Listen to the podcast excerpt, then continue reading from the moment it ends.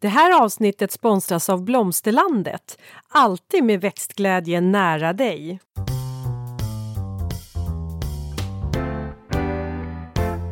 Välkommen till Ulrika och Lindas trädgårdspodd och det är jag som är Linda Kylén, trädgårdsmästare. Och det är jag som är Ulrika Levin, trädgårdsdesigner. Och kära lyssnare, eh, det ska handla om nötter idag. Och nu när det här sänds så är vi faktiskt i mitten av september och för eh, en nötodlare så är ju det här startskottet egentligen för skördesäsongen. När vi spelar in det här, vill jag säga, då är vi faktiskt eh, fortfarande på vår poddresa. För vi spelar in det här i juli, för vi är fortfarande kvar på eh, Stjärnsund hos eh, Philip Weiss här. Eh, som, som vi besökte när vi pratade om eh, Skogsträdgården, avsnitt 101. Eh, så, så att, ja, hej Filip igen. Hej. Välkommen tillbaka. Tack. Ja. Linda, det här med nötter, Mm. nötodling. Mm. Vad, vad har du för relation till det? Är det något du har pysslat med? Nej, men det närmsta nötodling jag har det är ju sly som växer på Åsby och det är ju äh, hassel som jag har. Ja. Och sen såklart ekarna. Ja. Mm, alla ekar. Men annars så nej, eh, ingenting som jag har odlat. Jordmandel. Har jag odlat det? Nej, det vet jag inte. Men det, det kanske kan få eh, fråga Filip här nu om jordmandel. Men nej, men jag har faktiskt ingen erfarenhet av att odla nötter. Däremot så har jag en dröm att bli självförsörjande på valnötter. Det vore väl ändå fantastiskt. Jag älskar nötter. Jag, eh, min bästa glass är till exempel hasselnötsglass. Får jag välja en smak så kommer det alltid innehålla... Säger man hasselnöt till mig, då kommer jag alltid välja det först. Så är det. Ja. Eh, jag tycker nötter är goda. De är ju också väldigt nyttiga.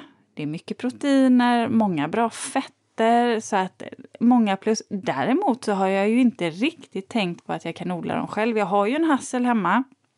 Och jag har ju Ek har ek. Sen har jag också ekorrar Ah. eh, som gillar de där. Eh, och framförallt eken har jag aldrig ens funderat på eh, att man kan använda eh, sig av. Eh, men jag tänkte så här, vi har ju Filip med oss, eh, så, så att du kommer ju verkligen få informera oss, för att du är ju civilingenjör i botten eh, permakulturdesigner eh, och sedan så är du ju ägare till en skogsträdgård och nötodling då naturligtvis.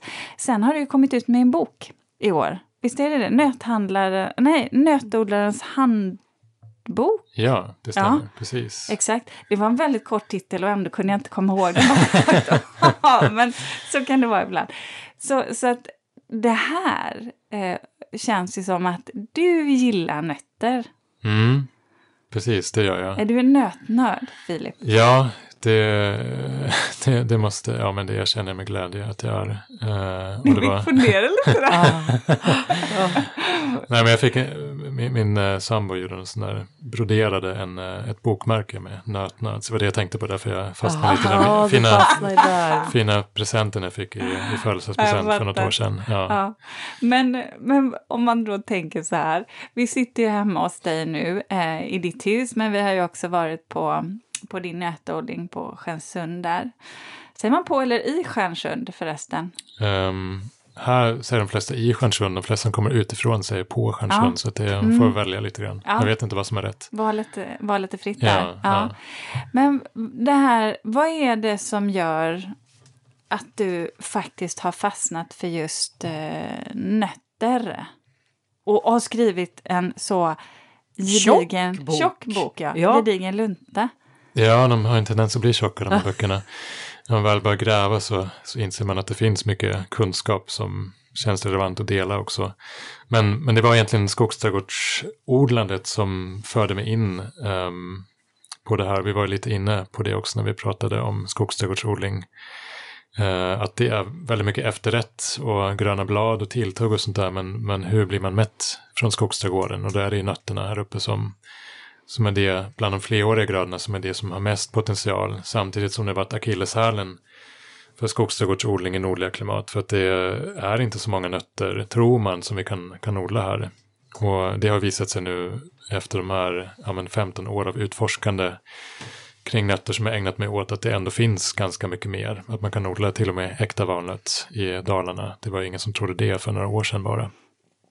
Eh, så att därav intresset om vi verkligen ska ställa om matproduktionen eh, och den matproduktion vi har idag är ju till stor del kalorier och ja, eller kolhydrater. Eh, kolhydrater, protein och fett. Och ska vi ställa om det till något som är mer hållbart, vilket vi måste göra, så kommer vi inte runt nötterna. Det, det gör vi inte om vi vill producera vår egen mat i, i Sverige till en större, större del. Så därav det stora intresset kring nötter. Och att det är så gott. Jag älskar mm. hasselnötter också. Mm. Ja. Men du, jag kan vara lite rädd för nötter. För att nötter kan ju verkligen få nötallergiker, de som är, mm. att eh, ja, men det kan bli ganska allvarliga konsekvenser. Mm, mm. Så att det är inte alltid att jag vågar, eh, jag har jobbat, eh, jag har jobbat som flygvärdinna innan jag sadlade om till att ge tillbaks till jorden som trädgårdsmästare. Så var det ju, det var ju verkligen förbjudet med allt vad nötter hette ombord. Mm. Och jag var ju med om liksom, man har varit på restaurang och man har inte mm. fått informationen om att det finns faktiskt spår av nötter i matbrödet mm. och det har slutat med ambulanstransporter. Mm. Alltså det är ju lite så här, mm. mm precis, det laddad eh, kost. Ja, men precis, det, det är lite laddat. Um, sen är det väldigt få som egentligen är så allergiska, men det, det gäller verkligen att ta hänsyn till dem. Sen just för hasselnöt så, så kan man faktiskt göra dem helt oskadliga även för allergiker lärde mig det. Och det hade jag aldrig, jag har en sån här korsallergi för hasselnöt, det är lite dumt och tål oh. inte valnöt så bra heller faktiskt. Så det, det var ju lite dumt Det är lite dumt, så. men, men sen eh, om man värmer hasselnötter med infravärme till, jag kommer inte ihåg, 140 grader i 25 minuter och sånt där, eh, så försvinner de här, de, de här proteinerna som förorsakar allergin är, bryts ner helt och hållet omvandlas till något som är helt ofarligt. Och de flesta har inte någon sån här infra, infravärmeugn, men, men till och med en vanlig, nej, till och med en vanlig ugn så kan man bara genom att rosta dem i, i 140 grader i 25 minuter så kan man få bort det mesta av det där. Så att jag får ingen korsallergi när jag rostar nötterna. Det mesta bryts ner så att det ah, funkar ja. för mig att göra så. Intressant. Men, det, man, ska Men man, vara... man, ska inte, man ska inte bara testa rakt av kanske? Nej, man ska alltid rådgöra med någon läkare innan man gör sådana experiment. Ja. Men, men det som också kan vara bra att känna till är att det är olika proteiner i olika nötter. Så bara för att man är allergisk mot jordnöt till exempel som inte ens är nöt mm. så kan man kanske ändå äta hasselnötter. Och man uppmanas till och med att testa då med, med, med någon läkare som är med och, och mm. hjälper en liksom att göra rätt val. Hur många nötter odlar du själv?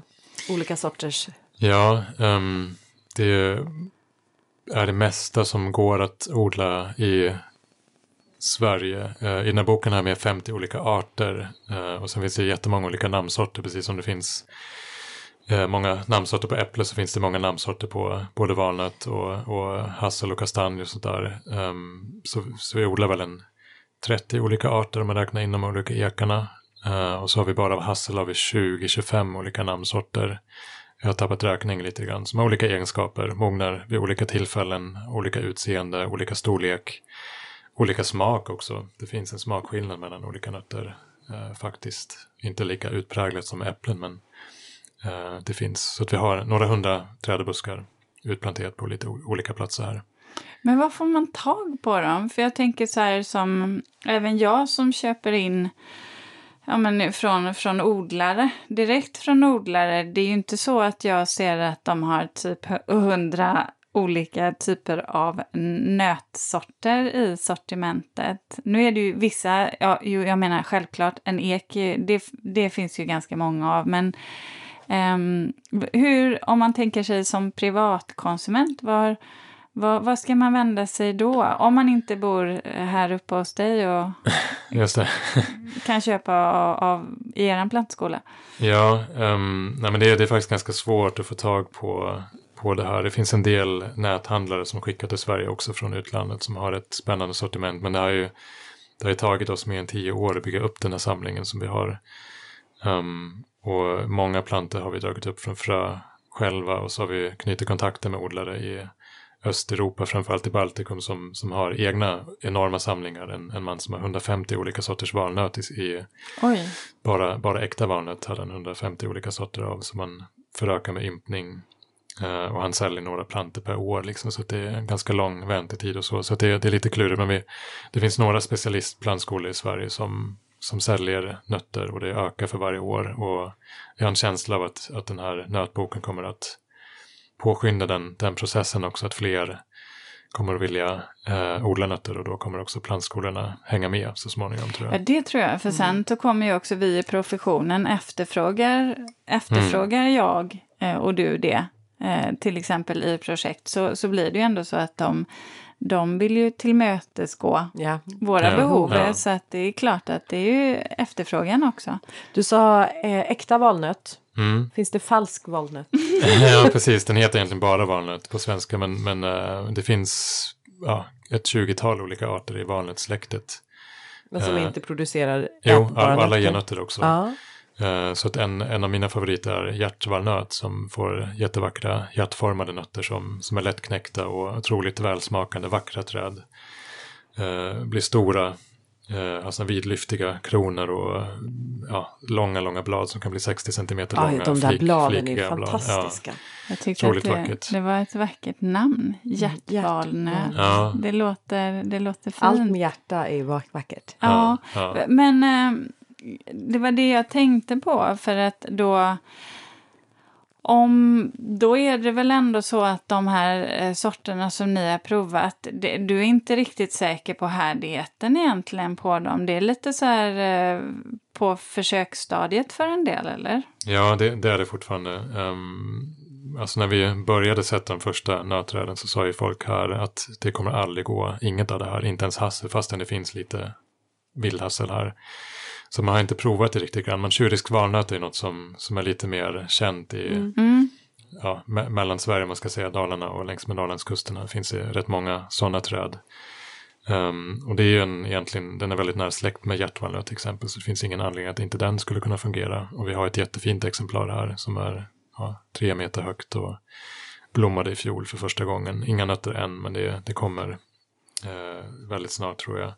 Så visst, det, det är väldigt mycket, alltså det att hitta rätt gener är utmaning med nötodling i nordliga klimat. Hasselnöt är ganska lätt för där eh, funkar det mesta egentligen. Ehm, bara man kan säkerställa pollineringen, det kan vi komma tillbaka till. Ja, Eh, ja. precis. Jag skriver upp pollinering. Ja. Pollinering, precis, pollinering var och skörd på hasselnöt, det. måste Det vi var- prata om, det, det är ja. jätteviktigt. För det var precis det jag också tänkte på. Ja. Eh, Det är inte bara att de ska klara vintern utan de ska också blomma vid Mm, rätt tidpunkt. Precis. Ja, och det Ja. är, det är, och då är det liksom en kombination av att hitta rätt gener som klarar klimatet och det är inte bara, egentligen inte vintern som är problemet, vintertemperaturen, utan det är höstens längd, temperaturen i Ja. oktober, att de kan mogna av och vintra in ordentligt Mm. i oktober och bilda fruktknoppar. Det verkar vara det som är flaskhalsen. Sen kan det vara de här kalla vårarna, att det är, ja men våren kommer aldrig igång eller så var det varmt någon gång i mars och så börjar de komma igång lite grann och så blir det en frostnatt som, som knäcker träden.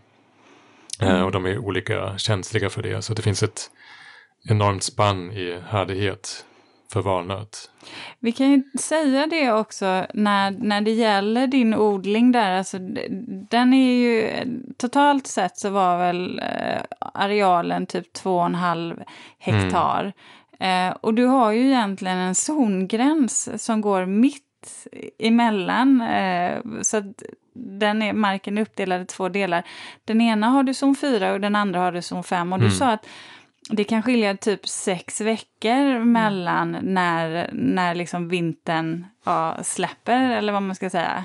Ja, eller, ja precis. Dels, dels det exakt på våren att kärlen släpper väldigt sent i ena halvan. Men också på hösten att första nattfrosten kan på de liksom mest låglänta delarna som är mest exponerade mot natthimlen kan det vara nattfrost. Som mest har det varit sex veckors skillnad mellan nötlunden och, och den här öppna ytan Ja. längst ner i svackan. Och Och där går det inte, nöt, nötlunden har du i zon 4, alltså den lite Mm. varmare delen va? Ja, precis. Mm. Det är vindskyddat. Det är en uh, sydvästsluttning, inte långt. Det är fem, fem meters höjdskillnad i den här sluttningen. Så det är ingen, inget berg direkt. Eh, och det är en mer väldränerad jord. Det är inte den här tunga leran som vi har i övrigt på marken.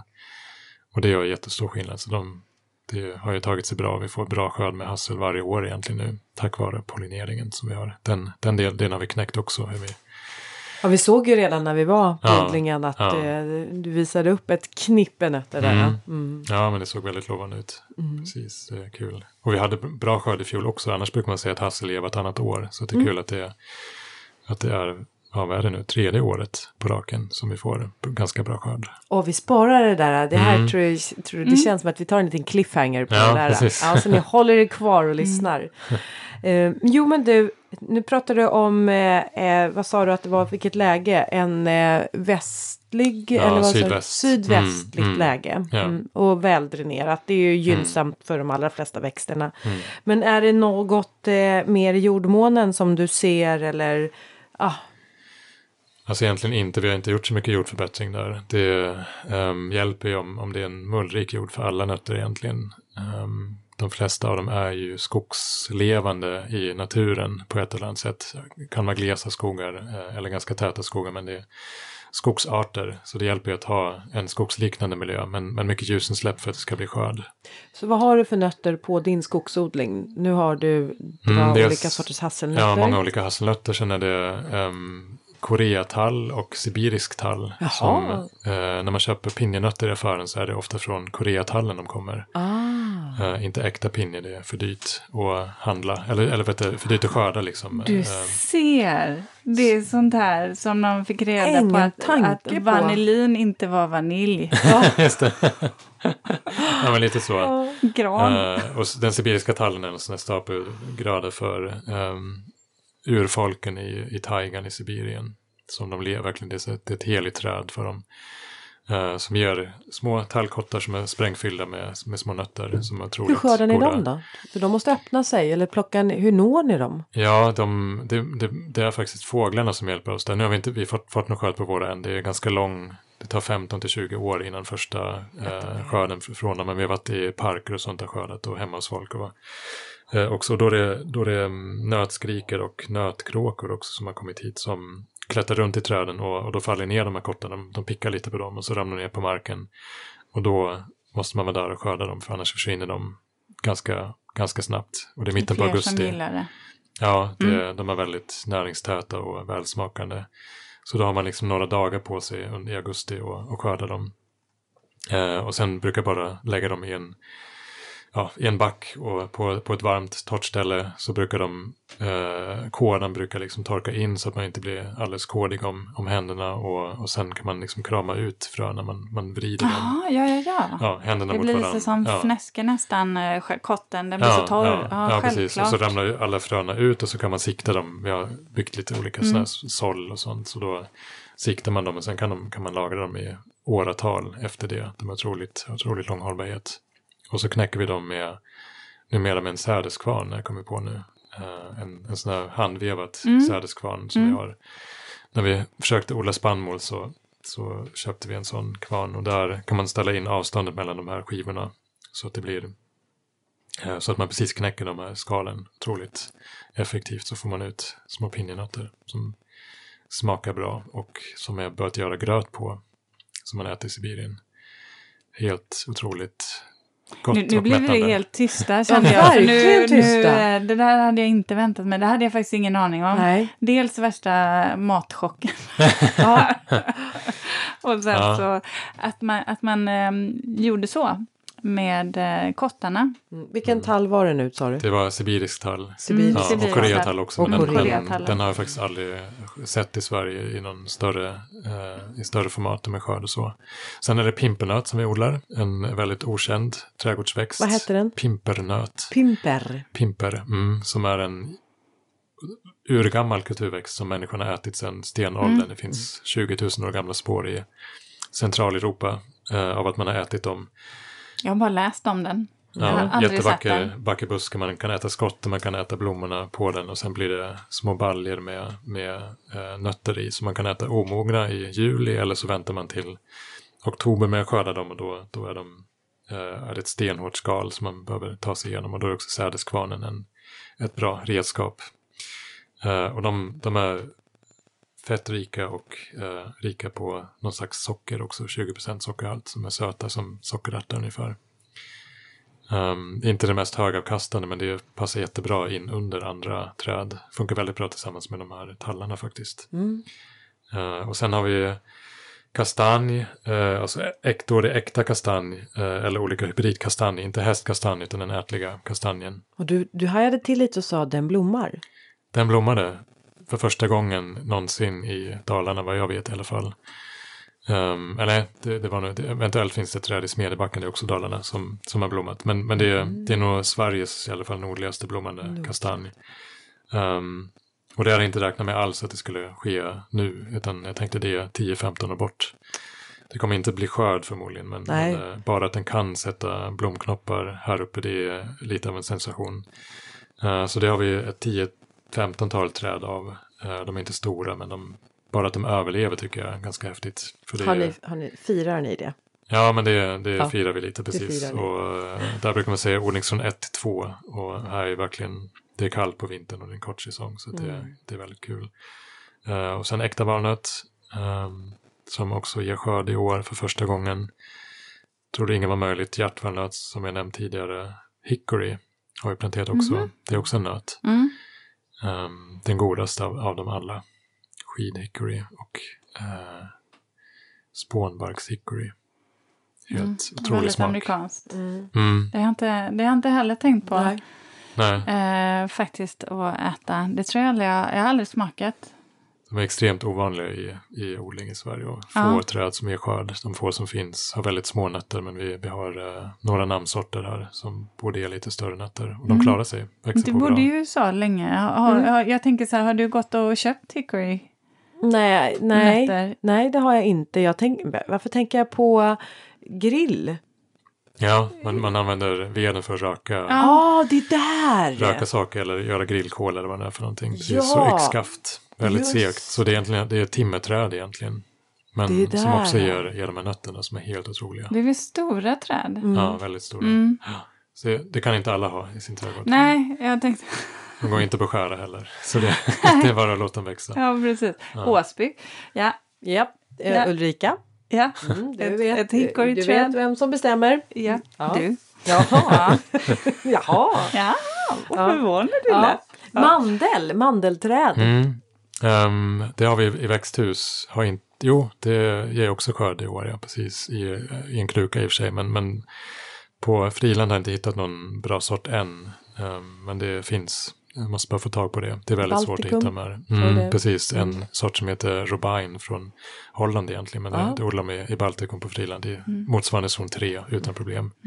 Vi pratade lite om det för att just det där med mandlar och i och för sig andra nötter också som hasselnötter.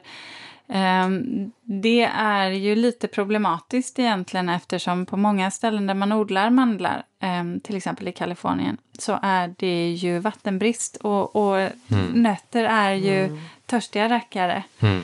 Eh, och särskilt mandelträd, eh, eh, mandelbuskar. Så att det borde ju egentligen vara ganska gynnsamt att odla, eh, odla nötter här uppe där vi, har, där vi har tillgång på vatten på ett annat sätt. Mm. Precis. Det tycker jag också att vi har liksom inte ens behövt tillföra något vatten. Eh, alltså det, det man, eller anledningen till att, att de anses vara så vattenkrävande, många av de här gröna, det är att man kan öka skörden väldigt mycket om man tillför vatten. Mandel klarar sig helt utan vatten också egentligen. De kan bara använda markfukt och ändå ge skörd, men det är sämre kvalitet och, och mindre mängd. Så då tokvattnar man under när, när nöten börjar växa till sig där i början på säsongen. Eh, för att det ska bli så stora mandlar som möjligt. Um, så att det egentligen behöver man inte göra det, men det är klart, vill man göra det kommersiellt så är det väl att man har målat sig in i ett hörn lite grann, att alla andra gör det, så måste man också göra det. För att det ska funka. Eh, uh, Likaså med hasselnöt, ger också mer och bättre skörd om man vattnar vid ja, månadsskiftet juni, juli sådär, men de ger skörd ändå, även utan vattning, om det inte är extremt torrt. Mm. Um, men här är det ju lägre avdunstning, vi har de här långa dagarna, det blir en annan smak på nötterna har vi märkt. Det är lite som med jordgubbar, att det är mer sötma och mindre, eller mer arom helt enkelt. Helt naturligt i, i hasselnötterna i alla fall, så att det, vi kan få en annan kvalitet och det är mer lättodlat här än längre söderut förmodligen. Mm. På ett sätt. Sen har vi klimatet mot oss också. Har ni tänkt att ni ska sälja nötter? Att ni ska skörda och ha försäljning som en gårdsförsäljning eller en... Um, ja, inte som gårdsförsäljning. Vi, vi har um, i den kursverksamhet vi har så kommer vi att um, sälja nötterna till kockarna. Och så får våra kursdeltagare smaka på, på det, precis som allt annat som vi har i skogsträdgården. Det är alldeles för stort för oss egentligen. Eh, för, för bara självhushåll. Eh, redan nu har vi mycket mer bär än vad vi någonsin kan äta och gröna blad mer än vad vi kan, kan äta. Så det går in i kursverksamheten och sen, men sen har vi eh, också anlagt en, en hasselodling med några grannar på, ett, på en annan fastighet i raka rader.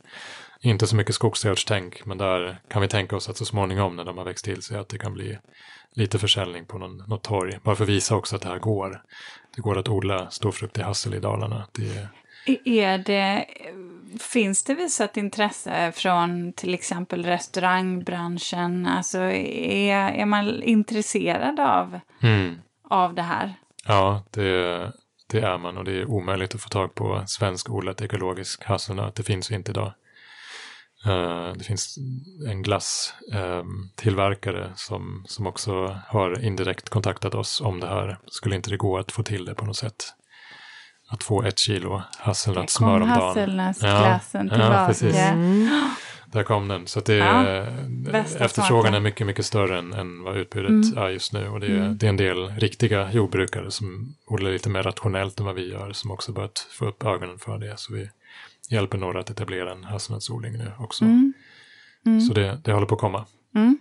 Och det är Intressant. perfekt med det klimatet som vi håller på att få här. Med större variation, mer extremväder um, och varmare det är Hasseln väldigt välanpassat för. Jaha, okej. Okay. Mm, de kan tåla de här skiftningarna. Ja, som... bara man etablerar dem bra så har de ju de enorma rotsystemen som sträcker sig långt ner i marken. Mm. Så... Jag tycker också att landskapet blir väldigt vackert med eh, hasselnötter. Mm. Det blir ju en lund och man får in vitsipporna och blåsippor på våren. Det, det blir ett väldigt vackert mm. landskap utav ja. De har ju använts också i mm, just i barockträdgårdar. På mm. Drottningholm där har man väl hasslar i Oh, som, nu kommer jag inte på ordet, du kanske kommer ihåg det, men du vet, nu säger jag så här mm. som typ på Liseberg då, kärlekstunneln. ja men ni vet, det finns ju en sån här gång som man går igenom, ja. och jag tror faktiskt att det på Drottningholm Jaha. är av hasslar.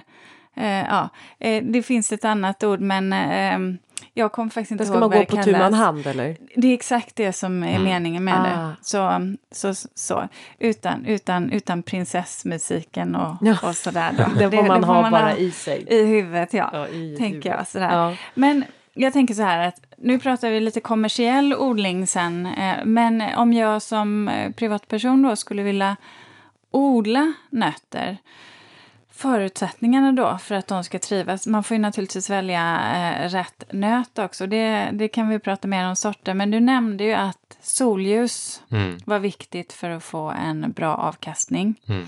Dina står vindskyddat. Är det också viktigt? Eller beror det på sort? Linda, visst är vi stolta över att ha en sponsor till dagens avsnitt? Ja, och det är Blomsterlandet. En trädgårdsbutik nära dig med butiker över hela landet och en e-handel som är öppen dygnet runt. Välkommen! Ja, det beror lite på sort. Hasse kan man använda som en lähäck också. Det blir mm. sämre skörd. Um, det, vinden gör att det avdunstar med vatten och det kyls ner så att man får inte samma avkastning men egentligen är de väldigt tåliga. Men, men ju längre norrut man odlar eller i de högre odlingszonerna så är det jätteviktigt med mikroklimatet.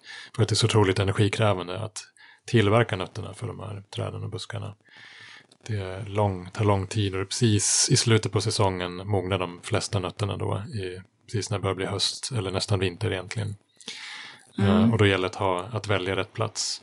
Mullrik jord sa du också. Ja, det... optimalt vädernerat, mullrikt, bra mm. vattenhållande förmåga. Om det, om det, finns markvatten som rör sig på något sätt, i, om det finns en bäckfåra i närheten eller något, kan vara något dika också, så brukar det också hjälpa att, att förse dem med vatten. Det är där de växer naturligt också i sådana här lite mer ja, naturligt bördiga områden, men det är inte alla som har det och det kan man inte förutsätta i en vanlig trädgård att man har. Det är naturligt, men det kan man ju skapa. Lätt. Ja, Och då och skulle- träden i sig ja. skapar ju Och också det. med tanke Ja. på löven som Ja. faller. Så att, Ja. Behövde man, och du sa det, att behövde man vattna, eller om man skulle vattna, var det i må, skift, maj, juni? Juni, juli. Juni, Ja, Vad är det juli. som händer där då? Det är då när, när nötterna börjar svälla upp egentligen, Mm. eller skalen sväller upp. Det är tydligen där det är som viktigast med, Mm. med bra fukttillgång. Annars kan det vara så att de inte tar det här, den här satsen liksom från att, att bygga upp det här stora skalet. Eh, och då, ja, men det blir ingen nöt heller för att skalet inte har växt ordentligt. Mm. Det verkar vara en vattenkrävande process. Och där, Mm. där kan det vara värt att stödvattna om det är extremt torrt eller om det är unga plantor som inte har de här stora rotsystemen. Mm. Men, men vi eh, har inte behövt vattna någon gång nu egentligen. Trots tork, försommartorken som har varit några år. Så det, det verkar funka bra ändå om man har, Ja. rätt, har dem på rätt ställe. Mm, men man kan vara lite obs på det. Ja, precis. Ja. Mm. Gödsel då? Eh, är det precis som alla andra träd och buskar, att man ska pyssla om dem lite de första åren, Mm. även med, med gödning? Och vad, vad har ni använt då?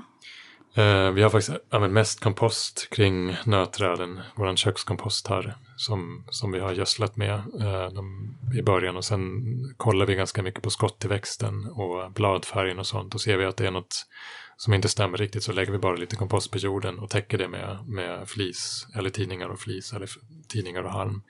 Så att dagmaskarna och andra mikroorganismer kan, kan dra ner näringen. Och, så att vi gör det på det naturliga sättet. Så har vi ibland gödslat med urin också Mm. lite grann, en giva per år bara för att ge dem lite extra kväve för skottillväxten.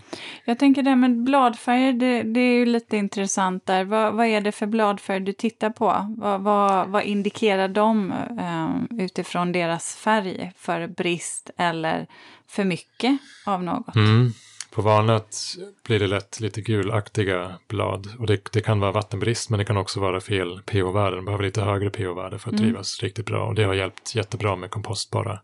Och så verkar det som de skapar, precis som de flesta andra växterna så skapar de de förutsättningar de vill ha genom att förändra mikro, mikrolivet och kemin i, i jorden.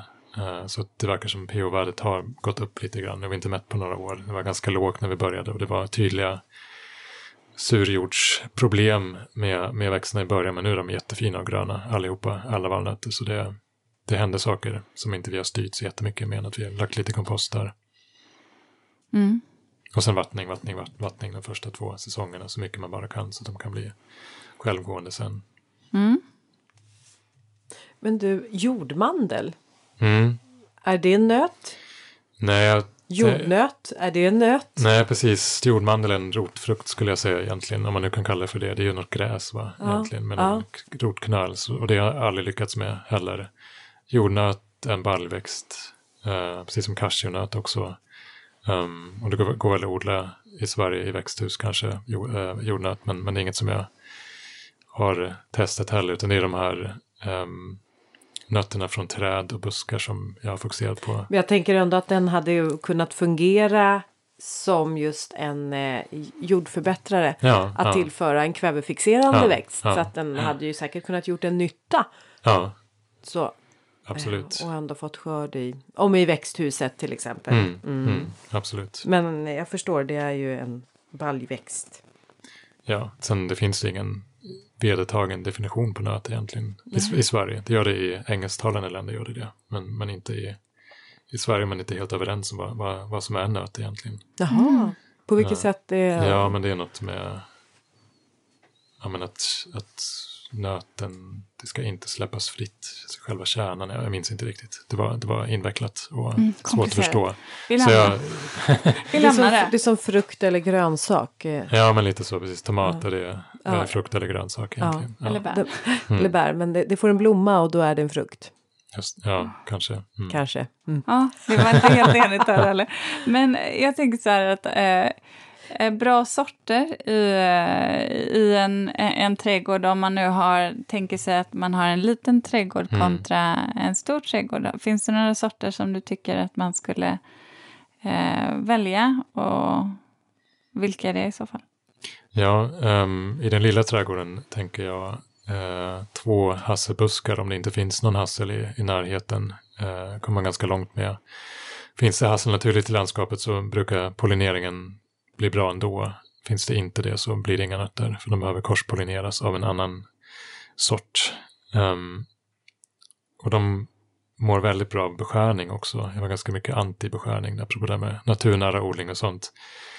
Eh, så att de här väldigt stora hasselbuskarna som man ser framför sig när man Mm. tänker sådana lundar och sånt, de är ganska dåliga ur fruktsättningssynpunkt egentligen. Mm. Det är både svårt att komma åt skörden, de skuggar ut sig själva väldigt mycket, det är så tätt med alla, alla Ja. grenar, så man ska beskära dem ganska hårt, mer som en vinbärsbuske egentligen. Så man gallrar dem vid basen egentligen och håller dem luftiga. Ja, Mm. ja, luftiga, fem, sex huvudgrenar, hålla kronan luftigt och sen tar man bort de äldsta allt eftersom så att man har en buske som är max 2,5 meter hög. Då kan man stå på en pall och, och skörda dem för Mm. hand. Liksom. Men var, var det här två förslag på mindre lågväxande sorter? Det är, precis, det är lite mer Ja. lågväxande. Sen mandel är det framförallt persikomandel, en, en korsning mellan persika och mandel som Nej, men hur gott låter inte det? Persikomandel. Ja, det, alltså det, är en, det är, finns inget fruktkött på dem, men kärnan ser ut som en persikokärna. Men, eh, eller ja, vad är det? Ja, nöten ser ut som en persikokärna. Och sen är det inuti är det ju själva den där. Ja. Men drabbas de, eh, för jag tänker på, um, de drabbas ju ibland av krussjukan Mm, är det va? mm. Eh, åker, alltså persikor. Eh, åker persikomandeln på det också? Eh, vissa gör det, vissa gör inte det. Och Den här Robine som jag nämnde tidigare eh, från Holland, den verkar vara resistent mer eller mindre. Så den, och det är också ett ganska kompakt träd som man också kan hålla nere ganska bra. Men inte, för där ska man inte hålla på och gödsla för mycket. Då knäcks Och- de lätt. Och blir- hasslarna där, hade du sortnamn eller ska Mm. man bara välja två olika? Nej men det, är- där finns det väldigt mycket att tjäna på att välja rätt sort. Ja. Eh, och den som har gått bäst för oss här är en som heter jättenöt från Halle. Som är också lätt att få tag på. Alltså det är alltid relativt vad gäller nötter men, men den kan finnas på de Mm, vanliga handelsträdgårdarna. Eh, den det är väldigt den. bra. Och den är också resistent mot nötviver som är en sån här skadegörare som finns över stora delar av eh, Sverige där man kan odla nötter. Mm. Så den är bra. Sen eh, ja, finns det en som heter långtidig cellnöt som, som inte är jättestor men den är väldigt härdig och väldigt tidig som namnet, namnet antyder. Eh, det finns en som heter Butler som har gått väldigt bra här. En amerikansk kommersiell sort med ganska runda nötter, lättknäckta och ja, som man har till praliner och så.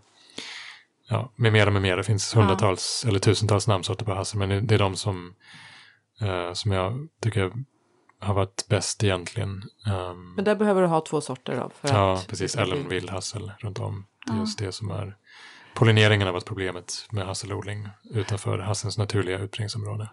Om man eh, har eh, en större trädgård då? Eh, vad, vad kan man satsa på då för, för nötsorter? Ja, då, då skulle jag försöka få in en kastanj, någon namnsort på det. Eh, och de behöver tyvärr också korspollineras, men då kan man impa in flera olika sorter på, på samma grundstam, så att det blir som ett familjeträd med kastanj. Om man nu har förutsättningar för det, och det är kanske odling från ett till två, möjligtvis tre, som, som det är något att satsa på just nu. I jakt på de riktigt härdiga kastanjerna, och sen valnöt såklart, äkta valnöt. Ehm, även om det finns dvärgväxande valnöt också numera att få tag på. Så det är lite kul. De blir två meter höga och två meter breda och sen slutar de växa. Och ger hur mycket skörd som helst. Så det kan också funka i den lilla eh, trädgården. Eh, och sen hjärtvalnöt som är, om man har väldigt mycket plats, som kan bli 25 meter i diameter, alltså kronan. Eh, ståtliga vårträd. Jag tycker valnötter, de har ett exotiskt utseende. Mm, det är så vackert. Det är bara det. Det räcker, man behöver inte ens få några nötter nästan. Nej, nej, den är... Vi var, vi var gästade även Göran Greider och hade honom som gäst när vi har varit iväg på våran, när vi var på våran poddresa. Och han var så stolt just över sitt valnötsträd. Ja, ja. Och det Han stod det. där, Ja, kul. planterat utanför där han hade en uteplats. Eller, Det var och hyfsat stort. det var stort och det hade så vackra fina blad och Mm. solen skimrade i det. Det var, ja, exotiskt. Ja, Mm. ja det är. Eh, Men du, du, nu pratar du om att pollineringen har just varit ett problem och så sa vi det i början av programmet att eh, en cliffhanger, vad Mm. gör man då åt hasselnöten? Och jag förstår att det har någonting med pollineringen att göra. Precis, eh, det är verkligen nummer ett för att säkerställa att man kan få någon skörd. Eh, Att också säkerställa pollineringen och det, det, det som behöver känna till där är att um, hassel är vindpollinerat och det finns han och kornblommor på samma buske men de kan aldrig, nästan aldrig pollinera sig själva utan de behöver en annan individ. Och det är de här hanhängena, precis som på björkar, det är sådana långa hängen som är hanblommorna som sprider en massa pollen. Eh, och de börjar växa fram redan i juli och behöver en ganska lång tid på sig att, att mogna fram. Så de måste liksom hinna mogna fram under eh, nuvarande växtsäsong så att säga för att kunna sedan öppna sig i eh, februari till april beroende på vart man är någonstans och vad det är för, för sort. Och där med de här storfruktiga hasslarna som vi också köper i affären är problemet att de är anpassade efter en lång varm höst som vi inte får ofta i, i Sverige. Och då kan det vara så att det hänger massa hängen där på våren eller vårvintern. Man tror oj nu blir det jättemycket blomning här men de sprider inget pollen för att de är dåligt utvecklade. Och då blir det ingen skörd. Så det var, för oss var det jättemycket blomning varje år tills den här vildhassen började blomma för första gången som en fröplanta som tog lite fler år, år på sig att blomma. Och då gick jag förbi den och eh, nuddade vid någon, några av de här blommorna och, och, såg att det, var, att det var jättemycket gult pollen på kläderna när jag hade gått förbi. Jag tänkte, men det här har aldrig hänt. Är det så här det ska vara? Är det så mycket pollen att, att det verkligen blir helt gula fläckar på kläderna? Och det året fick vi första riktiga skörden också på alla buskar plötsligt. Um, och då ja, trillade poletten att just det, det är nog det som har varit begränsningen här. Uh, så att har man inte vildhasse runt om sig så bör man sätta in en hasse som, som är så pass anpassad till klimatet att den hinner mo få mogna hanblommor på hösten. Så, så enkelt är det, men ändå så komplicerat på något sätt. Och då kan man inte bara gräva upp någon vildhasse någonstans eller ta några nötter och så. Och vissa år när det är väldigt varmt, då, då hinner de här eh, storfruktiga europeiska hasslarna också få eh, blommor. Och som alltid när vi säger gräva upp någonstans så gäller det ju öm i mark. Ja, man måste ha till, tillstånd. Ja, precis. från ägaren. Ja, ja exakt. Ja. Precis. Um, det är viktigt. Och, um, ja, och sen är det skörden, det kanske vi också ska, när vi mm. ändå är inne på det, ja. Hassel, att den vanligaste frågan jag får när jag guidar runt folk i våra odlingar det är att ja, men jag, jag har så mycket hassel hos mig men jag får aldrig någon skörd. Det är så dåliga buskar, ska jag byta ut dem? Uh, och då Eh, och den upplevelsen hade jag också länge när jag har varit i sådana vilda hasselbestånd och så. Men det, det, det handlar mycket om timing. Så har man säkerställt pollineringen så handlar det mycket om timing och då gäller det återigen att vara med i odlingen, observera de här buskarna och det är en ganska lång skördeperiod från mitten på augusti till slutet på september, början på oktober beroende på sort mognar de fram. Um, och det som händer när hasselnötter mognar är att um, ja, det finns det som kallas för navel på varje nöt, den här lite gråare delen i ändan på nöten. Mm. Det är där den sitter ihop med busken och där pumpar busken in en massa näringsämnen uh, och skapar den, denna nöten. Och vid något tillfälle så börjar den här naveln som ett membran börja bli uh, mer ogenomsläppligt. Och då kan inte busken pumpa in saker längre, utan då mognar nöten fram på egen hand så att säga. Så att det, det är bara värme och tid som behövs. Och när det inträffar så är egentligen processerna som kräver att busken och nöten sitter ihop avslutade. Eh, och sen mognar nöten fram och släpper från, från det här höljet. Eh, och då kommer fåglarna, så fort det är lite löst så kommer nötskrikorna och ekorrarna och skörda allt. Ja, de är ett tecken att det är de, något på de, gång. Liksom, de, de flyger runt där, tittar på dem och känner på dem, liksom med, hackar lite på nötterna med, med näbben och, och släpper dem, ja, men då, då tar de allt. De, de rycker ner klasarna och tar allting. Uh, och då kommer vi dit som inte har varit med riktigt så här, ja, vi som ja, men inte är så connectade till naturen Natur. ofta, vi moderna människor. Och, och nej, nu är det bara massa tomma nötter, vilka dåliga buskar, ingenting hänger kvar här, är det dåliga late. buskar. Och då har man varit ute för sent, så det är, man, man behöver liksom pricka in den här perioden där nöten egentligen är klar, det är bara tid och värme som behövs. Men innan fåglarna äh, kan ta dem, mm. för de, de sitter fortfarande fast men inte så fast att vi inte kan skörda dem. Uh, och då har jag lärt mig nu att man kan ta de här klasarna med, uh, hålla dem med, med, handen och sen trycka med tummen i sidled på nötterna. Och när de ploppar ut utan att det är väldigt mycket motstånd, då är de, har membranet redan släppt egentligen. Det är på väg att släppa. Plopptestet kallar jag för, för att de ploppar mm. ut sådär. Uh, och då kan vi skörda allt och lägga dem inomhus på en varm och torr plats och så mognar de fram. Men det är handskörd av allt? Där det finns mycket konkurrens från mm. fåglar och ekorrar. Det skulle vara så att vi hade det som en åkergröda med mm. hundratals radmeter överallt. Då skulle inte det finnas så mycket fåglar eller ekorrar som som ta, kan ta hand om det. Då behöver vi inte göra det. Då kan man skaka ner nötterna som tänker sig liksom att man Ja. gör. Man skakar busken och så samlar man in det från marken. Men det händer aldrig. I, så länge vi inte har hassel överallt eh, så kommer inte det funka. Så att det, i den lilla trädgården är det vara med varje dag egentligen när, när de börjar mogna fram. Känna lite på nötterna. Eh, och då kan det också vara så att det att de är mogna på ena sidan av busken på solsidan men omogna på norrsidan. Och då får man vänta en vecka kanske innan man skördar dem på norrsidan för annars krymper de under den här eftermognaden och blir aldrig lagringsdugliga. Så att det är lite av en vetenskap där med. Hur lagrar ni dem? Eh, vi torkar dem först och sen har vi dem i säckar som hänger i taket för att vi har lite mössar i huset ibland. Så då hänger de i krokar i taket. Men det där är ju lite intressant för, för, för jag menar hur, alltså hur man ska förvara sina nötter. Jag tänker så här att skörden kan väl vara olika beroende på vilken sort man har valt naturligtvis. Men, men ehm, jag menar ekollon eh, som jag har en mängd av, nej det har jag inte för att de blir uppätna av djur. Men jag tänker så här, några skulle kanske kunna skörda. Ska man vänta tills de trillar ner? Och vad kan jag göra av, vad kan jag göra av ekollon? Ja, precis där. Det är ofta så stora träd ehm, att de behöver ramla Gigantiska. ner. De är gigantiska, Ja. precis. Fantastiska träd. Eh, och där, det är ju mycket beroende, alltså det, det är egentligen är de här maståren som det kallas, som man behöver pricka in. När det blir jätte, jättemycket skörd från eh, ek, eka då. Det är där djuren inte hinner med. När det är sådana här vanliga eller så mellanår där det är lite ont om, om nötter, då brukar de ta det mesta. Men under maståren kan, kan det vara tiotusentals nötter på ett enda träd.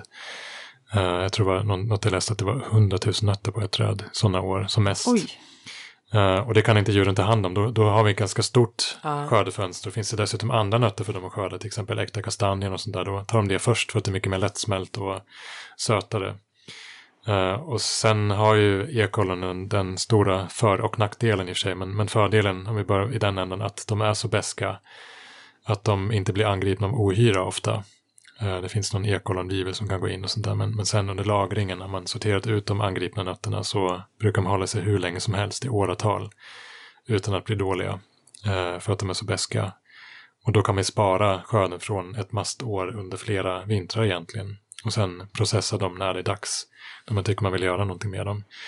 Eh, och ehm, det är för mig, jag har liksom haft någon slags teoretisk kunskap om ekollon länge. Men inte fått till det att faktiskt använda dem tills jag började fördjupa mig det i samband med skrivprocessen av den, den här nötboken. Och blev helt såld på ekollon, att det ändå är så lätt. Särskilt om man jämför med någon åkergröda som är hur mycket jobb som helst och odla spannmål. Och då, då skördar jag då med en sån här rulluppsamlare som jag har, det är som en nätboll som jag rullar över marken och så ploppar de här nötterna in och så kan man skörda, de här maståren kan det vara Sådär 20 som man kilo. kan använda för fallfrukt för Ja, ja, det är något liknande precis. Eh, 20 kilo på tre minuter fick jag som mest. Va? Och det var på en gräsmatta, det var sån där ek som stod på en parkering Mm. egentligen. Och så det var lite gräs runt om, det var väldigt lättskördat. Eh, och sen kan man torka dem ehm, och göra allt annat först som man eh, vill göra under hösten med förädling och konservering och allt vad man gör för någonting. Och någon gång under vintern kan vi plocka fram dem sen och eh, börja för, eh, ja, behandla dem för att få bort de här tanninerna, de beska bitterämnena. Eh, och då kan man antingen värma dem, alltså man, man knäcker dem först, eh, tar bort skalen och det kan man göra med en, med en vevknäckare har vi här. Man vevar dem igenom, ja, det är två skivor som Alltså, roterar förlåt, mot varandra. men, men du, Filip, du, har- Ja. ni har ju så många eh, grejer som jag, bara, som jag bara känner. Om man inte har en sån där, vad du nu sa. Eh, ja, ja, nej, men då, då kan man ta en, eh, lägga dem i en säck och banka på den med en käpp. Då, Ja, det så att man okej. tröskar dem egentligen. Det är ett tunt skal, lätt att Ja. få ut. Ja. Och så kastar man ner dem i en Vad är balja. det Så, för fel med sån där vanlig? ja, ja, det, är- det är volymen liksom. Att, Ja, att, eh, ja, men, har man 20 passar liter, liter ekollon då ska man hålla på och knäcka liksom det. Fattar. Det blir mycket jobb. Ja. Ja, så kan man separera skalen och nötterna med, genom att lägga dem i en balja. Och sen lägga dem i eh, varmvatten. Och det ska inte vara kokande, det står ofta att man ska koka dem för att bli av med, med tanninerna. Men det ska vara sjudande vatten, 85 till 90 grader och sånt där, Mm. i fem timmar. Och då försvinner nästan alla bitterämnen. Och kvar är en mjuk, någonting som påminner lite om mandel fast utan arom. Fattigmansmandel var det någon som kallade det för. Mm. Eh, som man kan använda som sojafärs, tycker jag, är det bästa egentligen. göra biffar. Eh, gröt har vi kokat på det. Mm. Um, vi har bakat knäckebröd med det. 50% kastanjemjöl, 50% uh, ekollonmjöl. Allt möjligt. Man kan torka det igen för att förvara det ytterligare. Uh, Har du testat att rosta dem? Får du mer smak då? För annars, Mm. nötter är ju väldigt tacksamma att rosta eh, för att få just mer eh, smak. mm, precis, det blir inte så jättemycket mer smak om, om man har tagit Nej. bort bittra ämnen. Utan mycket av smaken sitter i de här tanninerna. Uh, man kan göra kaffe på dem också innan man har lagat ur bittra ämnena.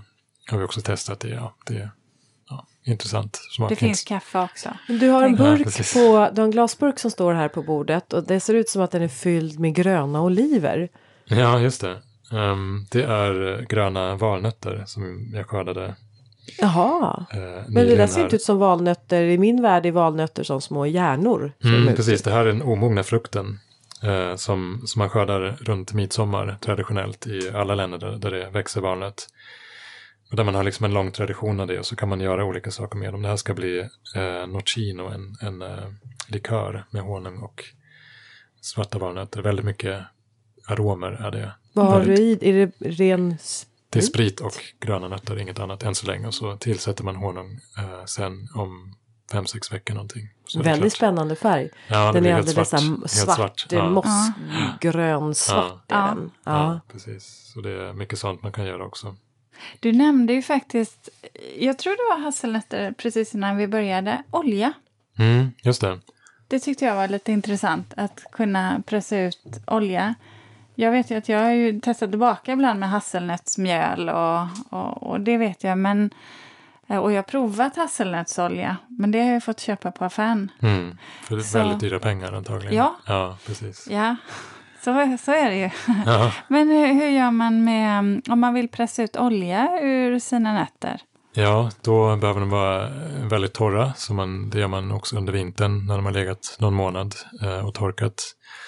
Och sen bör man knäcka dem. Den här vevknäckaren. För att effektivisera, men det går också att knäcka för hand eller banka sönder dem. Liksom. Det behöver inte vara hela nötter. Ehm, och så tar man kärnorna eh, och rostar dem helst. eh, eh, också lite grann, inte så hårt. Eh, och sen har vi en liten oljepress som kostar en tusenlapp. Någon uppfinnare i Holland som har designat en handvevad. Det är som, det är som en köttkvarn lite grann, fast lite robustare. Eh, och så värmer man den med, med, med ett litet värmeljus. Värmer upp kolven och så vevar man och så tänker man det här händer ingenting. Vilken skitpryl, jag har köpt här nu igen.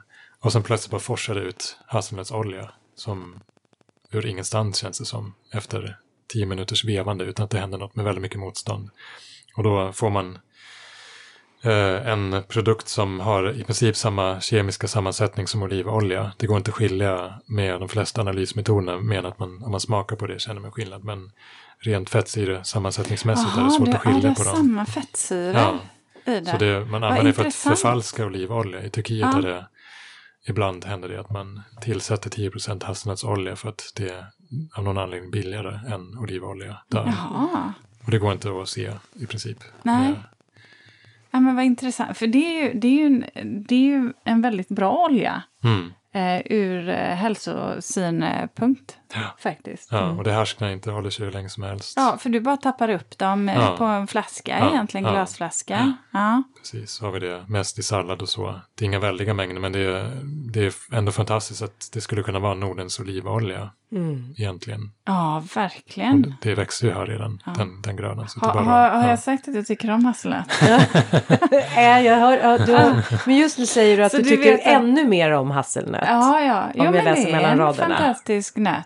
Och uppenbarligen faktiskt Ja, jag på kommer riktigt få det- för Sverige. Klivet när jag ska börja rensa på Åsby. Den växer ju numera där jag vill ha en häck. Och, men jag kanske ska titta ut här lite på eran trädgård och bli lite inspirerad. Men du, du kan ju ändå plocka egna hasselplantor och faktiskt flytta dem dit du Mm. vill ha dem. Du har ju jättemycket plats Mm. och eget. Du behöver ju inte liksom fråga någon annan. Nej, eh, jag har som sagt 37 hektar. Det löser jag ju. ja, Ja. det ordnar sig Så jag säkert. tänker så här Ja. att du, eh, du kan ju verkligen testa alla Philips sorter som Ah. han har i boken. Det Mm. tror jag inte ska vara några problem. Vet du vad, jag kan upplåta lite mark till dig också Ulrika. Ja, Ja, precis. så kan du få ha en, Det en har vi nöt- pratat om. Så har vi ett kollektiv, ett nöt, Nötkollektiv. nötkollektiv. Ja, det- Du och jag är två nötter. Ja, det tror jag någon skulle skriva under på också. Ja. Ja. Ja, ehm, är det någonting nu Filip som, eh, som, som vi inte har pratat om som du bara känner att åh, ta med det där? Ehm, förutom att vi ska odla nötter då, men det Ja. tänker jag så här, det, det tror men jag har framgått. Eh, ja, men lite, kanske mer som en liten anekdot här. Mm. Eh, Jag var, träffade en, en odlare som är född i Iran nyligen här och vi började prata om nötter såklart. Eh, Alla samtal slutar Såklart. med att man pratar om Kommer nötter nu för tiden. Utmynnar i nötter. Eh, och han berättade att på alla allmänningar där, ingenmansland som man kallar det, eh, Iran, så har man planterat mullbär och sen Ja. valnöt. Ja, Och, och det var ett, ja. ett uttalat syfte att ha det som en reserv när det blir matbrist av någon anledning. Och det kan ju hända mycket saker. Liksom det, och det, och det, tänker, det, det tänker kan vi ta med oss. Alltså vi har så mycket ytor som inte används och nötträd är så lättodlade. Och många väldigt vackra också. Så att om vi liksom har funktionen, vad vet jag, skugga och skönhet. Det kan ju alla nötträd ge. Um, så att varför inte fylla de här offentliga platserna med många, många fler nötträd. Och det händer mycket sånt också nu. Det har blivit i ropet att plantera nötträd på många platser, men ännu mer. Uh, och kanske inte bara inne i innerstäderna, utan också på landsbygden, allt möjligt. Skapa sådana nötkorridorer. Eh, det har vi inget att förlora på. Det hoppas jag att ni som lyssnar kan ta med som inspiration. Och jag menar, det är ju tillgång då. Eh, jag menar, det vore väl fantastiskt i våra, på våra allmänna platser att man också skulle faktiskt kunna skörda. Eh, Absolut. sånt som är nyttigt även för oss. Ja. Mm. Ja, Linda, blir det nötter hemma hos dig nu tror du? ja, det blir nötter. Ja. Ja, Mm. det blir nötter. Ja, valnöt kommer jag plantera in. Jag, skulle, jag är ju lite sugen på de där um, hasselnötterna. Jag har ju en vild hassel så jag tänker pollineringen skulle jag lösa. Eh, det, det är ju ytan då, platsen. Men den behöver ju gallras så att det inte får för mycket lövverk. Så då kan du Eh. hålla ner den. Eh, ja, precis. Eh, jag har ju inte så mycket plats kvar i min trädgård eh, längre. Eh, eller ja, eh, för, för träd. Jag har ju väldigt många träd och stora buskar. Mm. Vi jag får tänker det här med det här solen. då. Solen är lite, det är det där. Mm. Att hitta, eh, hitta ett soligt läge. Jag kanske kan ha det i en jättestor kruka. Vad vet jag? Ekfat. Mm. Ja, jag får kanske några i alla fall. Ja, Mm. eh, det skulle vara kul att testa, eh, tycker jag. Eh, eh, annars så, så har jag ju en annan nötodling på gång. Kanske Ja, man får åka dit och det. hälsa på. Så det är bara, ja. Ja, så är det ju. Ja. Men eh, hörni, ehm, tack för att ni har lyssnat den här Ja, gång. Och tack, tack till till dig, Filip, Filip. Eh, än en gång. Eh, Tack själva. Eh, och så vi hörs väl igen nästa vecka. Som alltid. Hej då! Hej då! Det där, jag, jag tänkte på det just när du sa det där olivolja. Alltså, du vet, det känns. Tänk att ha en nötodlingslund. Ja, Så det det är som så när man går igenom